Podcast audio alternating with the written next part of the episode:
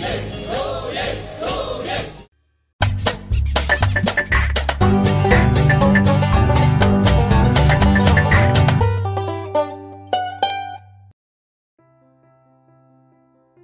ဘပြည်သူများအားလုံးမင်္ဂလာပါလို့ PPTV ဖွဲ့သားတွေကနှုတ်ခွန်းဆက်တာလိုက်ပါတယ်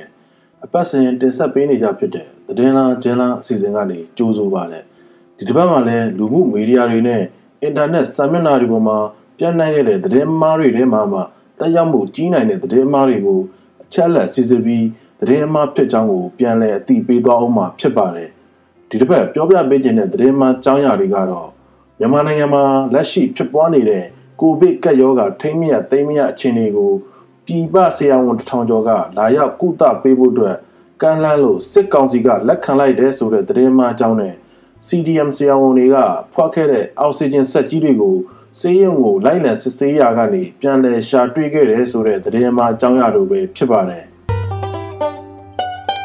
ရုံးဆုံးပြောပြပေးခြင်းတဲ့သတင်းမှအကြောင်းအရာကတော့မြန်မာနိုင်ငံမှာလက်ရှိဖြစ်ပွားနေတဲ့ကိုဗစ်ကပ်ရောဂါထိမ့်မရသိမ်းမရအခြေအနေကိုပြည်ပဆရာဝန်တထောင်ကျော်ကလာရောက်ကုသပေးဖို့အတွက်ကမ်းလှမ်းလို့စစ်ကောင်စီကလက်ခံလိုက်တယ်ဆိုတဲ့သတင်းမှအကြောင်းပဲဖြစ်ပါတယ်။ အဲ့ဒီသတင်းမှကိုအကြမ်းဖက်စစ်ကောင်စီအားပေးထောက်ခံနေကြတဲ့အကောင့်တွေနဲ့ page တွေကစတင်ဖြန့်ချီခဲ့တာလည်းဖြစ်ပါတယ်။သတင်းမှမှာဖော်ပြထားတာကတော့ရုရှား၊တရုတ်နဲ့အာရှနိုင်ငံတွေကဆရာဝန်တထောင်ကျော်ဟာမြန်မာနိုင်ငံမှာဖြစ်ပေါ်နေတဲ့ကိုဗစ်လူနာတွေအတွက်လာရောက်ကုသပေးရေးကိုနာဆာကမှလက်ခံလိုက်တယ်ဆိုပြီးရေးသားဖြန့်ဖြူးနေကြတာဖြစ်ပါတယ်အချက်လက်စစ်ဆေးကြည့်လိုက်တဲ့အခါမှာတော့ဒီလိုမျိုးပြည်ပနိုင်ငံကဆရာဝန်တထောင်ကျော်လာရောက်ကုသပေးမယ်ဆိုတဲ့သတင်းမျိုးကို နိုင်ငံတကာသတင်းမီဒီယာတွေနဲ့ပြည်တွင်းခြေဆိုင်သတင်းမီဒီယာတွေမှာမဖော်ပြထားပါဘူးအကြမ်းဖက်စက်ကောင်စီဟာကိုဗစ်ရောဂါထိန်းချုပ်မှုကိုစီမံခန့်ခွဲနိုင်စွမ်းမရှိတဲ့အပြင်ကိုဗစ်လူနာတွေအတွက်ဝန်တော့ဝန်ပိုးဖြစ်စေမဲ့အောက်ဆီဂျင်စက်ရုံတွေကိုအများပြည်သူတွေအတွက်ဖြန့်ဖြူးတာကိုပိတ်ပင်တားဆီးတာမျိုးတွေကိုပါပြုလုပ်နေတာဖြစ်ပါတယ်။ဒါအပြင်စေတနာဝန်ထမ်းတွေနဲ့ဆရာဝန်တွေက အကြမ်းဖက်စစ်အုပ်စုနဲ့မပူးပေါင်းကြတဲ့အတွက် contract စနစ်နဲ့ငှားရမ်းခေါ်ယူဖို့အတွက်ကိုလှုံ့ဆော်နေရတာပဲဖြစ်ပါတယ်။ဒါကြောင့် Facebook ပေါ်မှာအကြမ်းဖက်စစ်အုပ်စုကိုအားပေးထောက်ခံနေသူတွေဖြန့်ဖြူးနေကြတဲ့မြန်မာနိုင်ငံမှာဖြစ်ပေါ်နေတဲ့ကိုဗစ်လူနာတွေကိုတရုတ်ရုရှားနဲ့အာရှနိုင်ငံတွေကဆရာဝန်တထောင်ကျော်လာရောက်ကုသပေးမယ်ဆိုတာကသတင်းမှဖြစ်ကြောင်းအားလုံးကိုအသိပေးကြပါတယ်။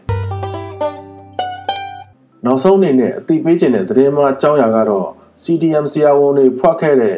အောက်ဆီဂျင်စက်ကြီးတွေကိုဆေးရုံတွေကိုလိုက်လံစစ်ဆေးရကနေပြန်လည်ရှာတွေ့ခဲ့တဲ့ဆိုတဲ့သတင်းမှအကြောင်းပဲဖြစ်ပါတယ်။အဲ့ဒီသတင်းမှကိုလည်းအကြမ်းဖက်စစ်ကောင်စီအားပေးထောက်ခံနေကြတဲ့သူတွေကပဲ Facebook ပေါ်မှာဖြန့်ဖြူးခဲ့ကြတာဖြစ်ပါတယ်။သတင်းမှထဲမှာဖော်ပြထားတဲ့အကြောင်းအရာတွေကတော့ CDM ပြုလုပ်နေတဲ့ဆရာဝန်တွေကိုတိုက်ခိုက်အပုတ်ချထားတဲ့အကြောင်းအရာတွေပဲဖြစ်ပါတယ်။ဒါပြင်လက်ရှိဖြစ်ပေါ်နေတဲ့စစ်ကောင်စီကအများပြည်သူတွေအတွက်အောက်ဆီဂျင်ဖြန့်ဖြူးပေးနေတဲ့စက်ရုံတွေကို တားဆီးပိတ်ပင်နေတာကိုဖုံးကွယ်ဖို့အတွက်ရည်ရွယ်ချက်ရှိရှိနဲ့သတင်းမှားဖန်တီးဖြန့်ဖြူးနေကြတာလည်းဖြစ်ပါတယ်ဖြန့်ဖြူးထားတဲ့သတင်းမှားမှာတော့ CDN ပြုလုပ်နေတဲ့ဆရာဝန်တွေက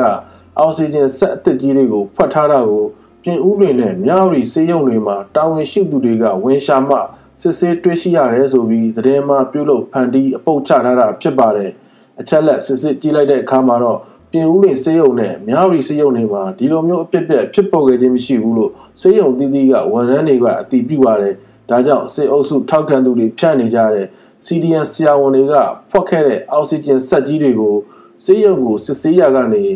ပြန်လည်ရှာတွေ့ခဲ့တယ်ဆိုတဲ့သတင်းကဆရာဝန်တွေကိုပုတ်ချတိုက်ခိုက်ပြီးစစ်ကောင်စီရဲ့လုံရက်တွေကိုဖုံးကွယ်ထားတဲ့သတင်းအမှားတွေပဲဖြစ်တယ်ဆိုတာကိုအသိပေးခြင်းပါတယ်။ ဒီတစ်ပတ်ရဲ့သတင်းလားဂျင်လားအစီအစဉ်ကိုတော့ဒီမှာပဲရန်နာခွင့်ပြုပါခင်ဗျာမိဘပြည်သူများအားလုံးဘေးရန်ကင်းကွာပြီး COVID-19 ကပ်ရောဂါကြီးကိုကြော်ဖြတ်နိုင်ပါစေလို့ကျွန်တော်တို့ PPTV အဖွဲ့သားတွေကစုမုံကောင်းတောင်းပေးလိုက်ရပါတယ်